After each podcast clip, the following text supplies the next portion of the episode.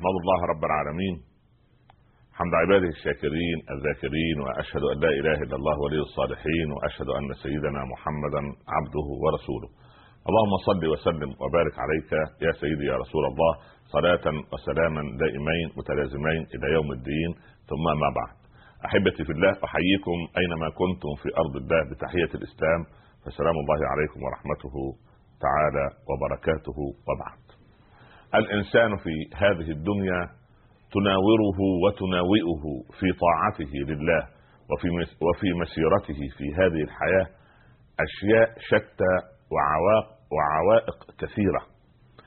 آه، يعني أكبر عائق آه، يعوق الإنسان عن فعل الخير بعد نفسه الأمارة بالسوء أو مع نفسه الأمارة بالسوء والدنيا المزينة التي يعيش فيها والمزينة أيضا آه، إنما هذا العائق الكبير هو الشيطان والعياذ بالله رب العالمين يعني حديثنا سوف يكون اليوم عن ماذا يصنع الشيطان للإنسان وما هو قدر فعله ل آه، يعني آه، لطاعات وأفعال الإنسان المؤمن أو الإنسانة المؤمنة.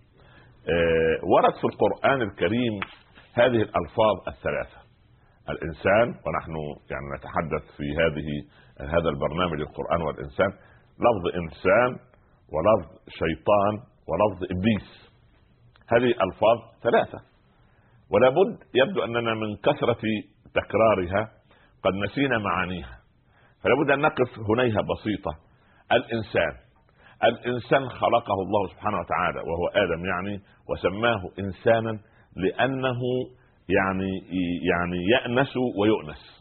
يقال أنه من الايناس أن يأنس إنسان إلى الآخر وأن يؤنس بعضهم بعضا وأن يأنس بعضهم ببعض. هذا هو المعنى الثاني للإنسان وسمي انسانا لأنه ينسى. ولقد عهدنا إلى آدم من قبل فنسي ولم نجد له عزما. هذه كلمة إنسان. كلمة إبليس يظن الناس أنها كلمة أعجمية غير عربية لأنها يعني لم تكن موجودة من قبل. لكن هي لغة عربية محضة سبحان الله. فالإبلاس أو إبليس من لا خير عنده. ذلك لا يجب أبدا أن تصف إنسانا ما بأنه إبليس. لأن لا بد أن يكون في, في الإنسان أي خير. يعني أي خير لا بد أن فيه الفطرة التي فطر الله الناس عليها قد يكون أطفأها وغيرها وتكبر على خلق الله وصار يعني صار آه، آه، سادرا في غيه بعيدا عن عن عن منهج الله سبحانه وتعالى. لكن لا تقال عنه إنه إبليس. ولذلك إبليس هو من لا خير عنده. وإبليس يعني كما قال أهل اللغة من يئس وتحير. عبارة عن يأس وحيرة والعياذ بالله رب العالمين. هذا يعني يعني يبلس المجرمون. يعني ييأسوا من رحمة الله ويتحيروا في هذا الإيه؟ الموقف. والإنسان المبلس أي الساكت الذي يقال ان إن إن الساكت عن الحق شيطان أخرس. فالإنسان المبلس هو الإنسان الذي يسكت. وتدل أيضا كلمة إبليس على الحيرة والقنوط ورد تكرار كلمة إبليس في القرآن أحد عشر مرة. مرادف لها وهو موضوع حديثنا اليوم كلمة الشيطان والعياذ بالله رب العالمين. ذكر الشيطان مفردا ومجموعا ثمانية وثمانين مرة. ذكر ثمانية وثمانون مرة في كتاب الله سبحانه وتعالى. أولا الشيطان كل متمرد من الجن والإنس والدواب. حتى قال شاعرنا ولقد تشيطن كي يقول الناس عنه تشيطن فالشيطان هو الإنس أو الإنس أو الجن أو الدابة التي تمردت. فهذه من الايه من ولذلك كلمة شطن فعل شطن أي بعد. شطنت الدار أي ابتعدت. يعني شطنت الديار أي ابتعدت. أنت سافرت بعيدا عنها فأنت شطنت عنك. بعيد. والشيطان هو المغالي أو الغالي في كفره. يعني سبحان الله أقصى درجات الكفر أن يصير شيطانا. وحتى شطن ابتعد ابتعد عن الحق ابتعد عن الخير سبحان الله. و إذا قيل شيط أو شاط يعني هلك. حتى أنت لما بعض الأطعمة تقول عنها ربة الدار إن الأكل شاط. يعني خلاص يعني فسد فسد. والعياذ بالله رب العالمين. هذه اولا المدلول اللغوي في المسألة. طيب. ال ال الشيطان جاء لأبينا آدم أو إبليس. جاء لأبينا آدم في الجنة هو وأمنا حواء. وقال ما نهاكما ربكما عن تلكما الشجرة إلا أن تكونا ملكين أو تكونا من الخالدين. فدلاهما بغرور. دلاهما من إما التدلي انه نزل من درجة إلى درجة أو دلاهما من باب الدليل. يعني دلهم على يعني طريق الغواية. فدلاهما بغرور. يعني دلاهم يعني أنزلهم درجة أو درجات من درجة الجنة التي كان فيها لك ليس لك الا في إن لك الا تجوع فيها ولا تعرى وأنك لا تظمأ فيها ولا تضحى. هذه هي يعني محاور الدنيا الأربعة. إذا أطعمت إنسانا وسقيته وكسوته وأسكنته فهذه أساسيات الدنيا الأربعة. من أمسى آمنا في سربه معافا في بدنه عنده قوت يومه فكأنما حيزت له الدنيا بحذافيرها. يأتي الشيطان قد أعطى المرأة سكنا سواء سكن نفسي مع زوجها أو سكنا يعني جدران أربعة بسقف. وهناك من لا يجد هذا المسكن. من لا مسكن لهم اللهم مأوهم آه، وأوي كل مسلم يا رب العالمين. من لا يعني من لا دار له ارزقه بدار يا أكرم الأكرمين. يعني ف يأتي الشيطان. هي حصلت على السكن. فتبدأ قضية تجهيز المسكن يجهز المسكن. ربما تحدث مشادة في البيت على لون من ألوان الباب أو نوع من أنواع الستائر أو نوع من أنواع الثريات أو النجر المعلق في السقف. لماذا؟ كلما أصبح الإنسان يبحث عما ليس واجبا وليس ضروريا يدخل الشيطان في هذه المساحة. فتثور مشاكل من لا مشاكل وتثور قضايا من لا قضايا. وهذا فعل الشيطان ليحزن الذين آمنوا. لماذا؟ لأنه ربما يجد أن هذه المرأة قانعة بما في بيتها. قل لا لا هذه الأغراض وهذه الموبيليا وهذا الصالون لا يصح وهذا المجلس آه، شكله مش ولا بد وهذه السجادة التي في الأرض يجب أن تأتي بسجادة أخرى من نوع كذا وتراث كذا. وتظل المرأة تفكر في هذا الأمر وتبيت وتستيقظ وتنام وتقوم على هذه المصيبة وهي تظن أنها مصيبة كبيرة. ويعني نسيت أن تبتسم في وجه زوجها نسيت أن تربي ولدها نسيت أن أن تراجع واجب ابنتها نسيت أن توصي ابنتها التي على وجه زواج أو اقتربت من سن الزواج أن تنصحها نصيحة فاضلة كيف آه، يعني تكون في عون زوجها على الدهر ولا تكون مع الدهر ضد زوجها. لكن عندما يهتم الإنسان بسفاسف الأمور يعني وينسى أعاليها تضيع الحياة وتتوه أقدام السائر في الطريق. فإن الله يحب من الأمور أعاليها ويكره سفسافها. جاء الرجل إلى النبي صلى الله عليه وسلم وقال له متى الساعة يا رسول الله؟ هذا سؤال مهم. قال له ماذا أعددت لها؟ فإذا نقله من المهم إلى الأهم. يعني القضية متى الساعة؟ الساعة بعد بعد ساعة بعد يوم بعد يومين بعد أسبوع بعد شهر. ولكن ولكن أنت ماذا أعددت لها فنقله من المهم إلى الأهم. فهذه القضية. جاء الشيطان وبدأ يوسوس آه، إلى إلى أبينا آدم فأكل آدم وحواء من الشجرة. اذا ارتكب آدم ما نهي عنه. يعني يعني كل الجنة حلال عليك يا آدم أنت وزوجك ما عدا هذه الشجرة. هذه الشجرة عنوان لما حرم الله سبحانه وتعالى. ما الذي حدث من أبينا آدم؟ أن يعني إبليس الشيطان أغواه. ضحك عليه. غره. يعني يغرك ثم يضرك. ولا يغرنكم بالله الغرور الذي يغر. يعني إيه يغر؟ يعني وما الحياة الدنيا إلا متاع الغرور. تغر الإنسان بشكلها وهيئتها والعلماء يقولون الدنيا تفعل معنا كل هذه الأفاعيل. تفعل إيه؟ تميت حبيبا لنا. آه، تبعد الإخوة عن بعض. سبحان الله. تجعل الجار يغضب من جار الأخ يقاطع أخاه سبحان الله. الزوج يطلق زوجته الأولاد يربوا بعيدا عن الأب والأم الانسان سبحان الله يصاب ما يقع عليه ظلم بين. هذه هي الدنيا تصنع بنا هكذا. ورغم ذلك نحن نحبها. فما بالك لو تحسنت لنا الدنيا؟ لو وجدنا أن الدنيا دي يعني شوف يعني تفرق الأحبة. وتميت الأحباب لنا وتفقر الغني وتذل العزيز وسبحان الله تجعل الرويبضه والناس الامعات الذين لا قيمة لهم يركبون رؤوس الناس. ورغم ذلك نحن نتمسك بالدنيا فما بالكم لو تحببت إلينا؟ هي بتتبغض إلينا ونحن نحبها. فما بالكم لو تحببت إلينا بالله عليكم سبحان الله. حتى إن أسوأ ما ما, ما يذكره العبد أمام زوجته إذا ذكر مثلا يقول لها والله يا أم فلان إذا أنا مت فخلي بالك من كذا. يقول يا شيخ بلاش هذه السيرة. لا داعي لمثل هذا الكلام. وكأن الموت قد كتب على غيرنا.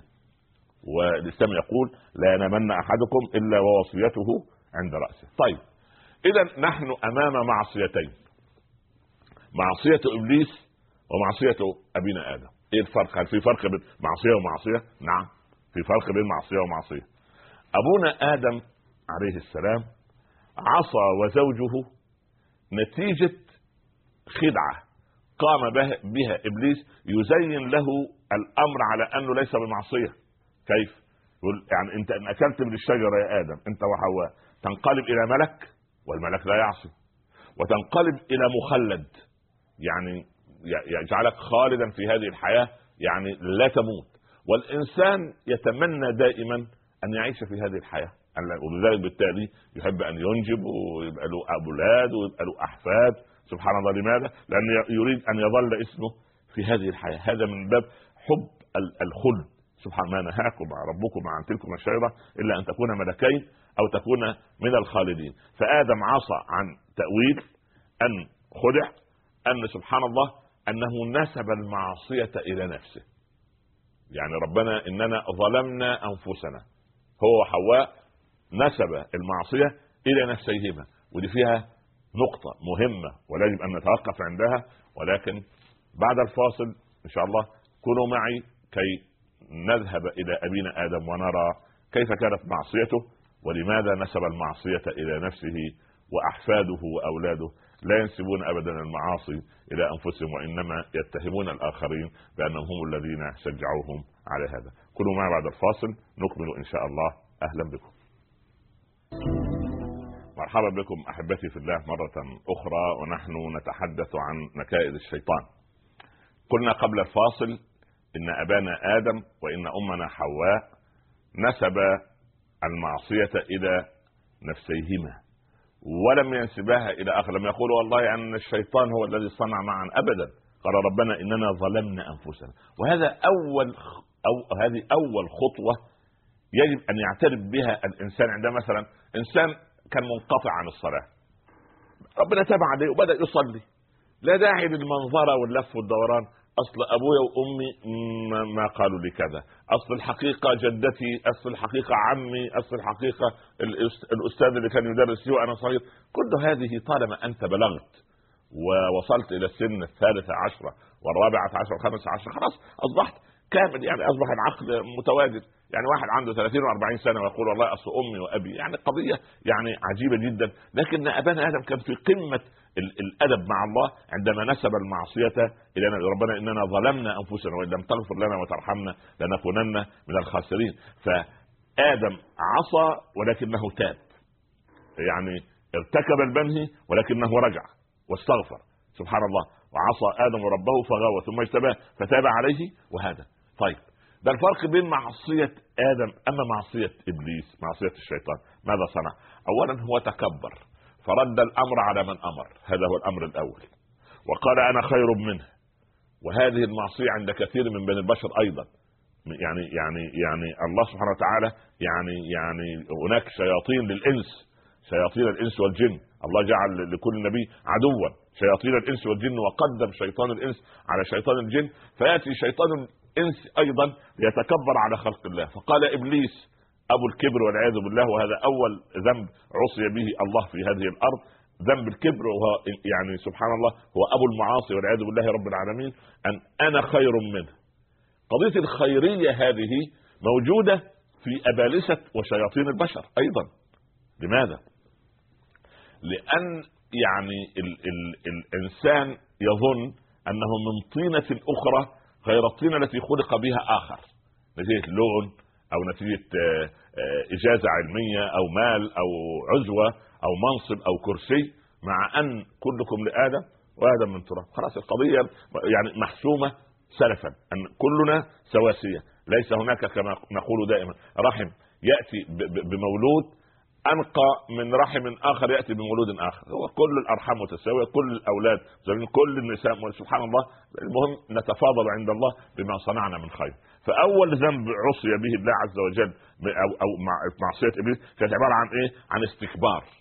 ثم هو لم يستكبر فقط. أنا ممكن أعصي في نفسي لكن لا أكون صناعا للمعاصي. يعني أنا أذنبت لا داعي لأن أعلم غيري مثلا والعياذ بالله واحد يدخن. لا داعي لأن يعلم غيره. واحد لا يصلي لا داعي لأن يعني يجعل يكسل غيره عن الصلاة. آه، واحدة متبرجة لا داعي لأن تشجع أختها المحجبة أن يعني تخلع حجابها. لأن سبحان الله طب أنت يا غير محجبة تكبرت على رب العباد ورفضت أمره. لا داعي لأن يعني يعني أنت بخلت بالطاعة وبخلت بنعمة الله لا تجعل ولا لا تبخلي غيرك. وأنت يا عديم الصلاة لا تبخل غيرك بانك إيه؟ يعني تقول له رايح فين؟ والله رايح المسجد وصلي. يا شيخ تعال نصلي في البيت. لأن إحنا ما فيش وقت عندنا. يا شيخ كذا سبحان الله. فأنت تجعل الأخر يتكاسل عن هكذا صنع إبليس الأكبر. ماذا صنع؟ أن أغوى آدم عامل زي الحيه الحيه لما تشرب اللبن كما قلنا. وتشبع تمج سمها في اللبن الباقي كي لا يشرب بعدها أحد. والعياذ بالله. إذا مت ظمآنا فلا نزل القطر. يعني مجرد أننا أهلك اهلك غيري والعياذ بالله رب العالمين. ولكن السؤال الذي يطرح نفسه إيه أسباب أن الشيطان إبليس يعني واقف للإنسان بالمرصاد؟ لماذا؟ ليه؟ يعني يعني هو القضية أنه أنه القضية أزلية. منذ أن وجد إبليس قال له أنهم أجمعين. يعني إلا عبادك منهم المخلصين. طب ليه يا إبليس؟ أول شيء صناعة الكبر.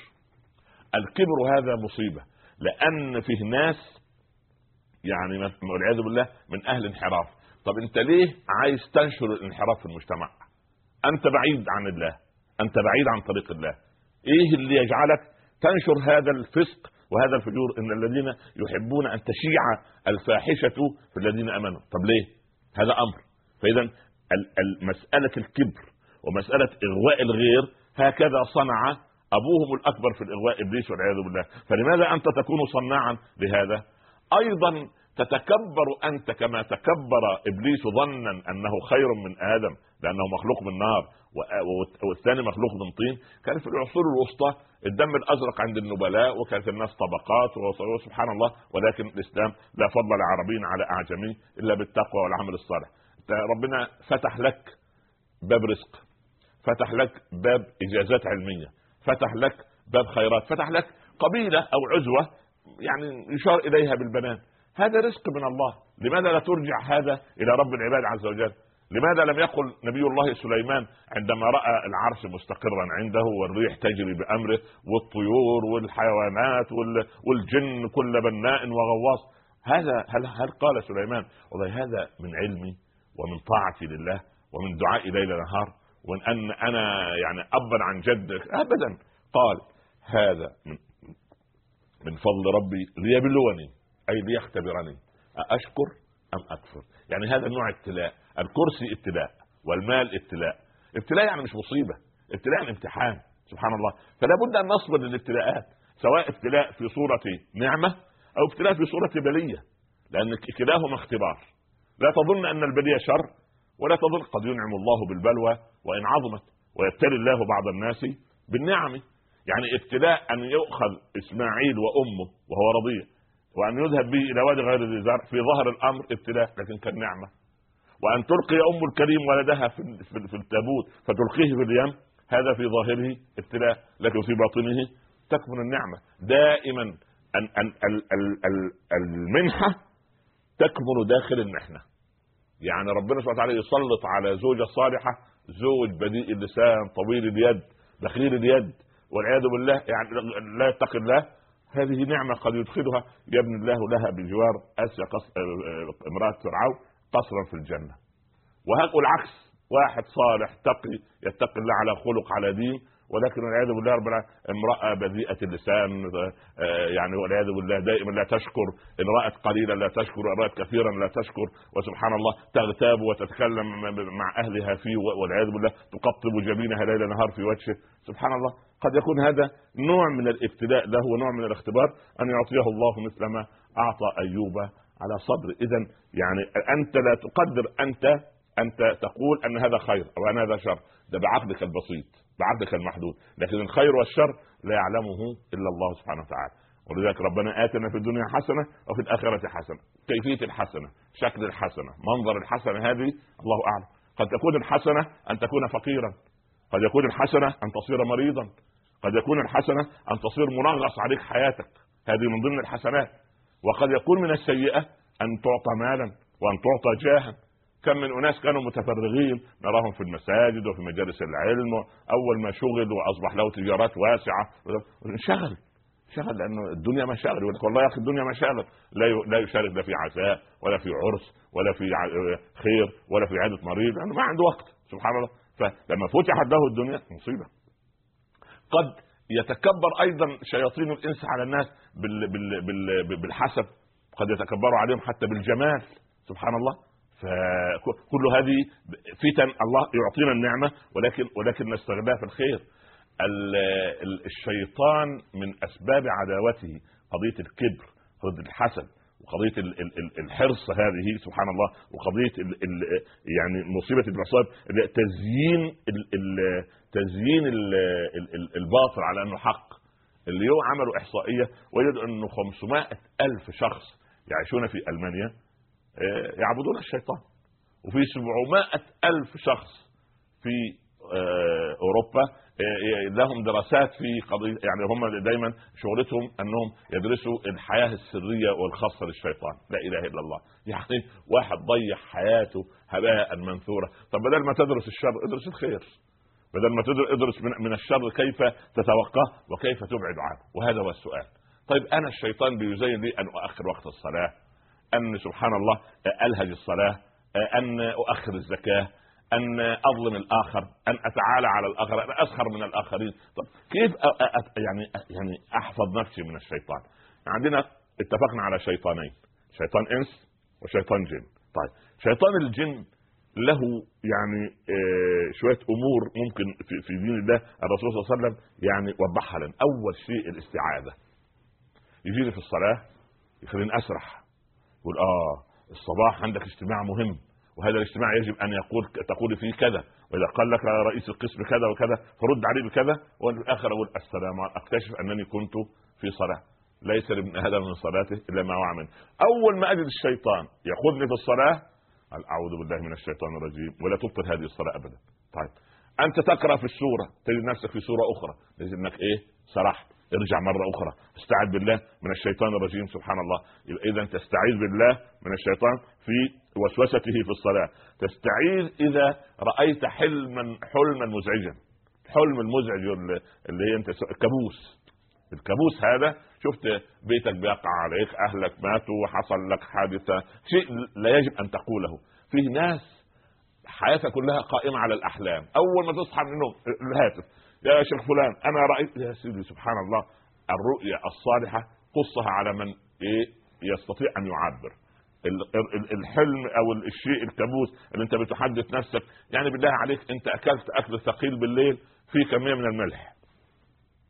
وطول الليل أنت شايف نفسك في بحر وفي نهر وما بتغرق وتقول خير يا سيدنا هذا هذا من أثر ما أكلت. لا علاقة له. مشغول بابنك المريض ربنا يشفي كل مريض. مشغول بزواج بنتك مشغول بقضية معينة في العمل. وترى هذا في, ال في, ال في وأنت نايم هذا حلم. يعني اضغاث أحلام. أما الحلم المزعج أول ما تستيقظ تدفل على يسارك ثلاثة. يعني تنفخ ثلاث مرات قل أعوذ بالله من الشيطان الرجيم. كمان لما تغضب أغضبك ابنك جارك موظف تحت يدك مديرك في العمل زوجتك زوجك سبحان الله أول شيء اللهم أجرني من حر غضبي. اللهم نستعيذ بالله من الشيطان الرجيم. عندما نسمع نهيق الحمار أعزكم الله. أول ما يسمع لأنه يرى شيطان أنه دي قضية حتى في العلم لأنه يرى فيما دون الأشعة الحمراء معروف يعني الأشعة البنفسجية التي يراها الديك فيرى ملكا فعندما يكبر يؤذن نكبر نحن لكن الحمار والعياذ بالله يرى الأشعة الأخرى فإنما يرى هذه الأشعة الحمراء وهي تمثل الشيطان. يعني المهم دي قضية حتى علمية سبحان الله العظيم. أيضا إن أنت تستعيذ سبحان الله العظيم بالله من الشيطان لما تدخل البيت أعوذ بالله من الشيطان الرجيم أو أو بالذات يعني تسمي الله في البيت لكن لما تنزل أقصد يعني إلى مكان أول مرة تنزل فيه. نزلت في مكان جديد كده غريب آه، سبحان الله في صحراء في بر كده خارج البيوت تستعيذ بالله أعوذ بكلمات الله التامات من شر ما خلق. لا تصيبك لا حية ولا عقرب ولا ناموسة ولا بعوضة ولا نمل يقرصك لأنه ربما المكان مليء. فأنت تتعود دائما أنت ضعيف وتحتاج إلى حماية الله سبحانه وتعالى وتحتاج إلى فضل الله. وهذا كله من الفقه الذي علمنا إياه رسول الله صلى الله عليه وسلم. أيضا عند دخول دورة المياه عند تعود أولادك بالليل الأطفال بالذات يعني الأطفال الصغار اللي ما يعرفوا يقرأوا المعوذتين اقرأ الفلق والناس وامسح عليهم سبحان الله العظيم. لكن مع هذا مع هذا التعود هناك البسملة تضيف لها عشان تبقى محصن. البسملة وانت رايح المسجد أو خارج من البيت بسم الله التكلان على الله ولا حول ولا قوة إلا بالله العظيم. إذا عثرت الدابة بسمل. يعني إذا السيارة توقفت منك في الطريق وبسم الله سبحان الله عند الأكل لابد أن تسمي بسم الله حتى لا ياكل معك الشيطان. سبحان الله. فلا بد من الايه؟ من التسميه أيضا لما تغلق الأبواب بالليل تسمي عليها. أنت تغلق باب بيتك بالليل والنبي صلى الله عليه وسلم يقول أطفئوا المسرجة أو في السقاء يعني غطي ال ال ال الأواني سبحان الله وأغلق الأبواب وتوكل على الله وسم الله سبحانه وتعالى. كل هذه أنت الآن أصبحت في معية الله عز وجل سبحان الله العظيم. وبعدين أنت مع الاستعاذة من الشيطان وبالبسملة وبالتوكل على الله أصبحت بينك وبين الشيطان مسافة. ماذا يصنع الشيطان؟ يضع خرطومه والعياذ بالله على قلب ابن آدم. فإذا ذكر ابن آدم خنس وإذا نسي أو غفل استيقظ الشيطان. فأول ما يستيقظ يشتغل لك يعمل إيه؟ يعني والعياذ بالله يشجعك ضد زوجتك ضد مديرك في العمل. يعني خوض فيه تكلم. اظلم اللي تحت يدك. آه، تكلم مع جارك هكذا. لا تتركه سبحانه ويشجعك على الشر. لكن لو ذكر أعوذ بالله من الشيطان الرجيم. أستغفر الله العظيم. أعوذ بالله من الشيطان. أول ما تستعيذ هو إيه؟ يبتعد عنك. وبعدين قم توضأ صلي ركعتين اقرأ آيات القرآن عود نفسك بالمعوذات سبحان الله. عندئذ تجعل بينك وبين وإذا قرأت القرآن جعلنا بينك وبين الذين لا يؤمنون بالآخرة حجابا مستورا. لكن المصيبة أن كل واحد فاشل في حياته. والله يا سيدنا الشيخ أنا بصراحة شايف كده إن أنا عندي عمل خطير. أننا يا ابن الحلال أنت واظب على ما أمرك الله به من قراءة القرآن من الصلاة في وقتها من الاستعاذة من أكل الحلال من حسن التعامل من صدق لكنها تجعل الهموم تهجم عليك وتتركها هكذا دون استعاذة. الشيطان من ضمن ما يصنعه يجعلك تكتئب حتى داخل الطاعة. يدك كده خاشع في الصلاة يقول لك لا أنت اللي زيك يعني والعياذ بالله أنت أنت صلاتك غير مقبولة. اولا أنت يعني مالك مشكوك في أمره. اولا بصراحه يعني أنت لو رجل صالح كان ربنا يرزقك بزوجة صالحة. أنت لو كذا كان ربنا يجعل أولادك بررة وسبحان الله ويطيعوك ويقبلوا يدك ورأسك في كل وقت وحين. أنت وهكذا يؤيسك. ولكن المؤمن عندما يستعيذ بالله من الشيطان الرجيم يجد عمله صالح قدامه تسره الحسنة. وتسوءه السيئة فيستقيم على طريق الله سبحانه وتعالى. طيب السؤال الباقي أو السؤال المهم الشيطان إيه اللي ممكن يصنعه مع الإنسان؟ هل فعلا كل أفعالنا السيئة الظلم اللي في العالم هذا من ظلم الرجل لامرأته والمرأة لزوجها والجار لجاره وصاحب العمل لموظفه والصديق مع صديقه والناس تخون بعضها وتغتاب بعض؟ هل كل هذا من الشيطان؟ لا. أولا في نفس أمارة بالسوء. أخبث على الإنسان وأشد على الإنسان من من سبعين شيطان. أبونا آدم لما أهبط إلى الأرض بعد التوبة كان هذا لارتفاعه درجة. لماذا؟ عشان ينزل إلى الحياة ويبتلى. لكن لما إبليس والعياذ بالله عصى طرد من الجنة طرد تماما وطرد من رحمة الله. أما نحن أبونا آدم لم يطرد من الجنة وإنما أهبط إلى الأرض ليتحقق فيه قول الله عز وجل إني جاعل في الأرض خليفة. فهل استعذنا بالله من الشياطين شياطين الإنس والجن قولا وعملا؟ ونكمل حديثنا بعد هذا الفاصل. كونوا معي إن شاء الله. أهلا وسهلا بكم. مرحبا بكم أحبتي في الله مرة أخرى ونحن نتحدث عن مكائد الشيطان. أعاذنا الله وإياكم من شره ووسوسته.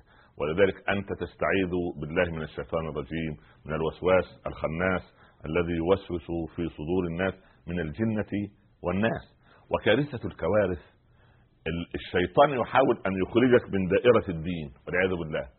فإن لم يستطع ينقلك إلى دائرة البدع.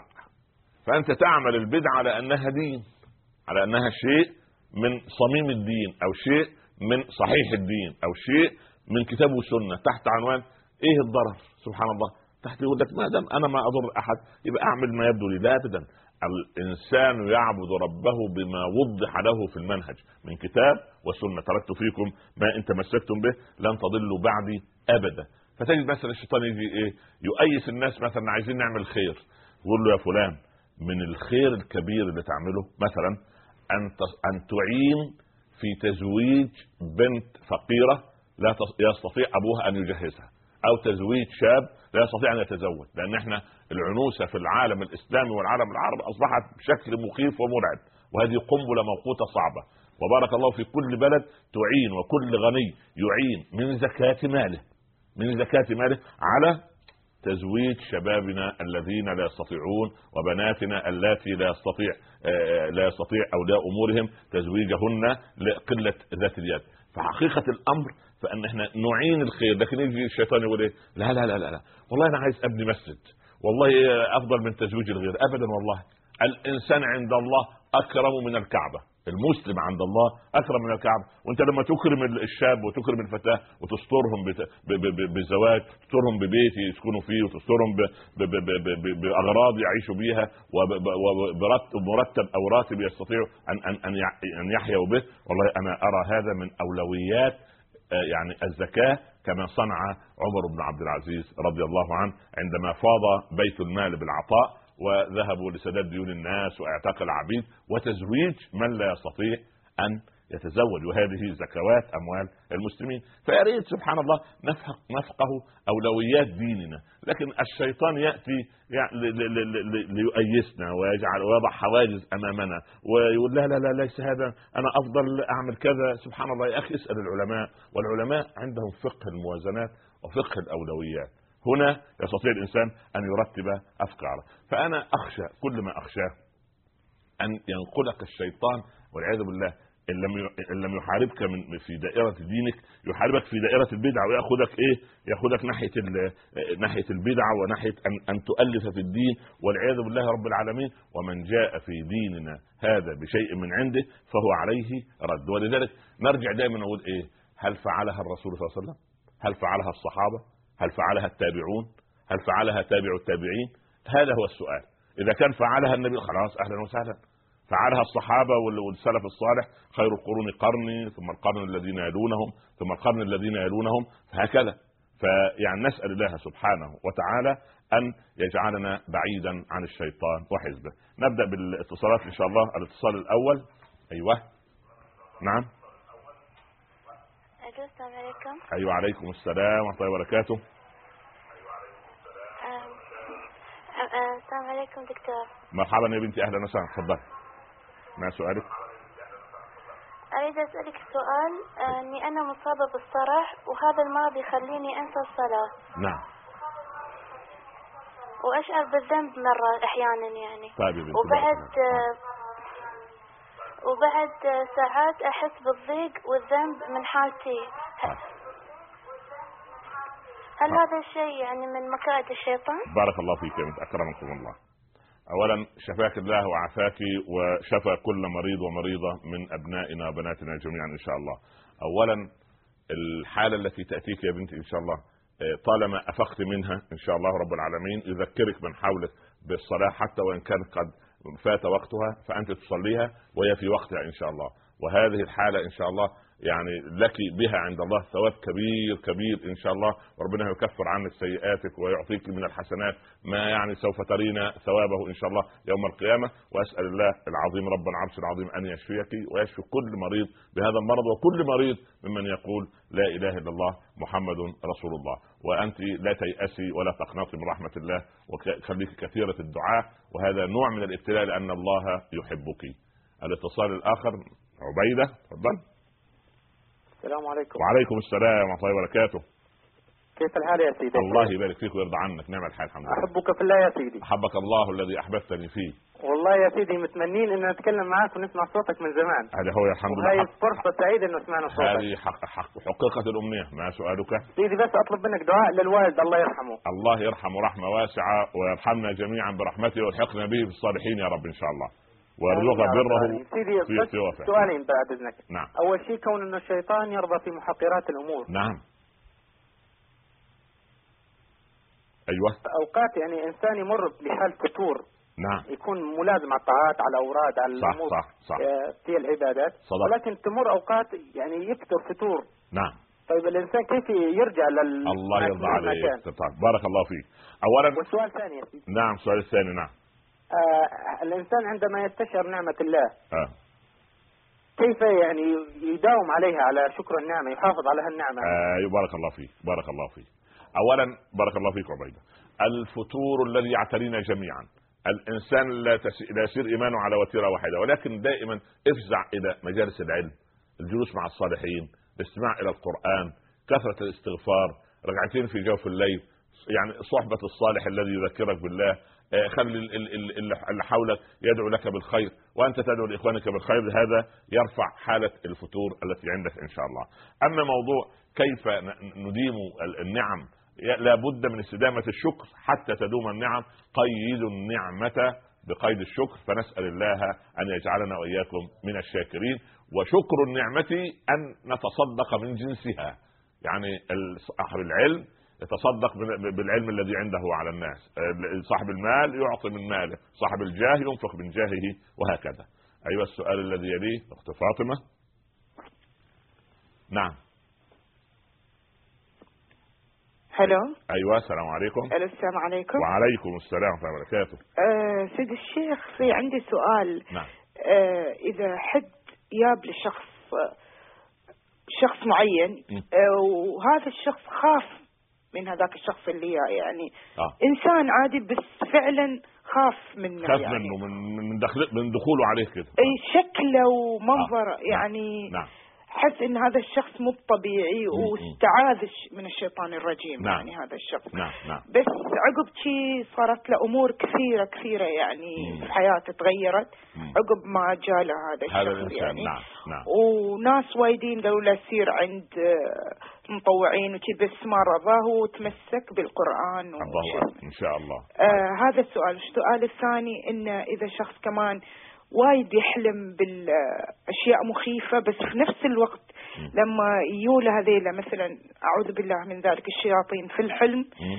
يشوف نفسه إنه ماسك القرآن ويقول الله. قرآن أو ماسك نعم، القرآن نعم نعم نعم. ضدهم يعني. فشو بالنسبة طيب، لهذا؟ بارك الله هل هو شيء صابه وكذا؟ بس السؤال- هو وايد متدين. نعم السؤالين في إطار واحد. السؤالان إطارهما واحد. بارك الله فيك فضل. اولا اولا الإنسان إذا استشعر شيء غريب في حياته مثلا دخل عليه إنسان أو تعامل معه إنسان فيعني أصبح وخد موقف منه أو خاف منه. اولا يستعيذ بالله من الشيطان ليس في ذلك شيء. وعليه بقراءة سورة البقرة. سورة البقرة هذه أيضا في البيت سوف تطرد هذه الأحلام المزعجة التي تأتي. ودليل إمساك هذا الإنسان للمصحف في نومه دليل على أن هذا هو العلاج وهو علاجنا جميعا إن شاء الله رب العالمين. الاتصال الذي يليه؟ نعم. السلام عليكم أيوه ورحمة وعليكم الله السلام وبركاته ورحمة الله وبركاته. مرحبا. أيوة. بارك الله لنا في الشيخ عمر وب- وفيكم يا رب. وجزاه الله خير الله يرضى عنكم والله أنت ممن يعني يقوينا على الطاعة ويثبتنا في هذا الزمان. بارك الله فيك وفي وفيكم يا رب الدكتور. وفيكم يا رب آه، سؤال حضرة الدكتور نعم. بالنسبة للأطفال هل نأمرهم بالاستعاذة من الشيطان الرجيم وخاصة كمدرسة مثلا نعم، في نعم. المدرسة نعم انصراف عن مثلا الأصغاء انصراف عن التركيز. فهل في مانع من بارك بالاستعاذة الله من. الشيطان أم كأطفال لا تحضر معهم الشياطين ودائما نعم. معهم الملائكة يا رب يا رب إن شاء الله ويكون مع الكبار يا رب إن شاء الله الملائكة آمين. جزاك طيب. الله خير. بارك الله فيك طبعا جزا الله خيرا كل معلماتنا من بناتنا الفضليات اللاتي اعطينا أعطيناه فلذات أكبادنا ليقومون على تربيتهم وتعليم وجزا الله بنتنا خيرا هذه في أن سبحان الله فعلا الولد لما لا ير- لا يركز أيضا يعني يستعيذ بالله من الشيطان الرجيم. ونعلمه كيف يستعيذ ومتى يستعيذ ومما يستعيذ. ونعلمه أنه إذا خطر بباله خواطر سيئه أن أن يؤذي زميله أو ان ياخذ منه القلم أو أن يشاكسه أو أن يؤذيه. فهذا من فعل الشيطان. فيستعيذ بالله حتى يكون الولد بهذا المنطق في إطار الإيمان إن شاء الله. ربنا يبارك ويحفظ أبناءنا وبناتنا. أيها الأخ عمار. ألو السلام عليكم. وعليكم السلام ورحمة الله وبركاته. دكتور كيف حالك؟ الله يرضى عنك ويبارك فيك يا رب. إنه يحبكم في الله. حبك الله الذي أحببتني فيه. الله يبارك فيك. ونسال إن شاء الله الثبات لنا ولكم في هذه الفتن إن شاء الله. يا رب ربنا يقوينا وإياكم يا رب. يا نعم. شيخي عندي بس سؤال. نعم. الآن الواحد لما يحب يقوي من توحيده وكذا ويجل الله في بعض الأحوال يكون له من مرؤوسيه آه، يعني هيبة وكذا. نعم. آه، وي- ويشعر بشعور مع أنه يحاول من انه يقوي آه، توحيده وأن نعم. لا إله إلا الله وأنه نعم. هو النافع وهو الضار. ومع هذا يحس ببعض ال- ال- الرهبه من المرؤوسين وكذا. نعم نعم آه، حتى مع انه في بعض الأحوال يكون في على صواب. نعم نعم. طيب. هذا السؤال الأول. السؤال الثاني بعد إذنك شيخي. نعم آه، في هذه الفترة طبعا صارت اللي هي زيادات الرواتب وهالأمور كذا نعم. ودخلت على ال- أفراد الاسر وبالذات يعني أسرتي أنا هاي اللي أشوفها أنا نعم، نعم.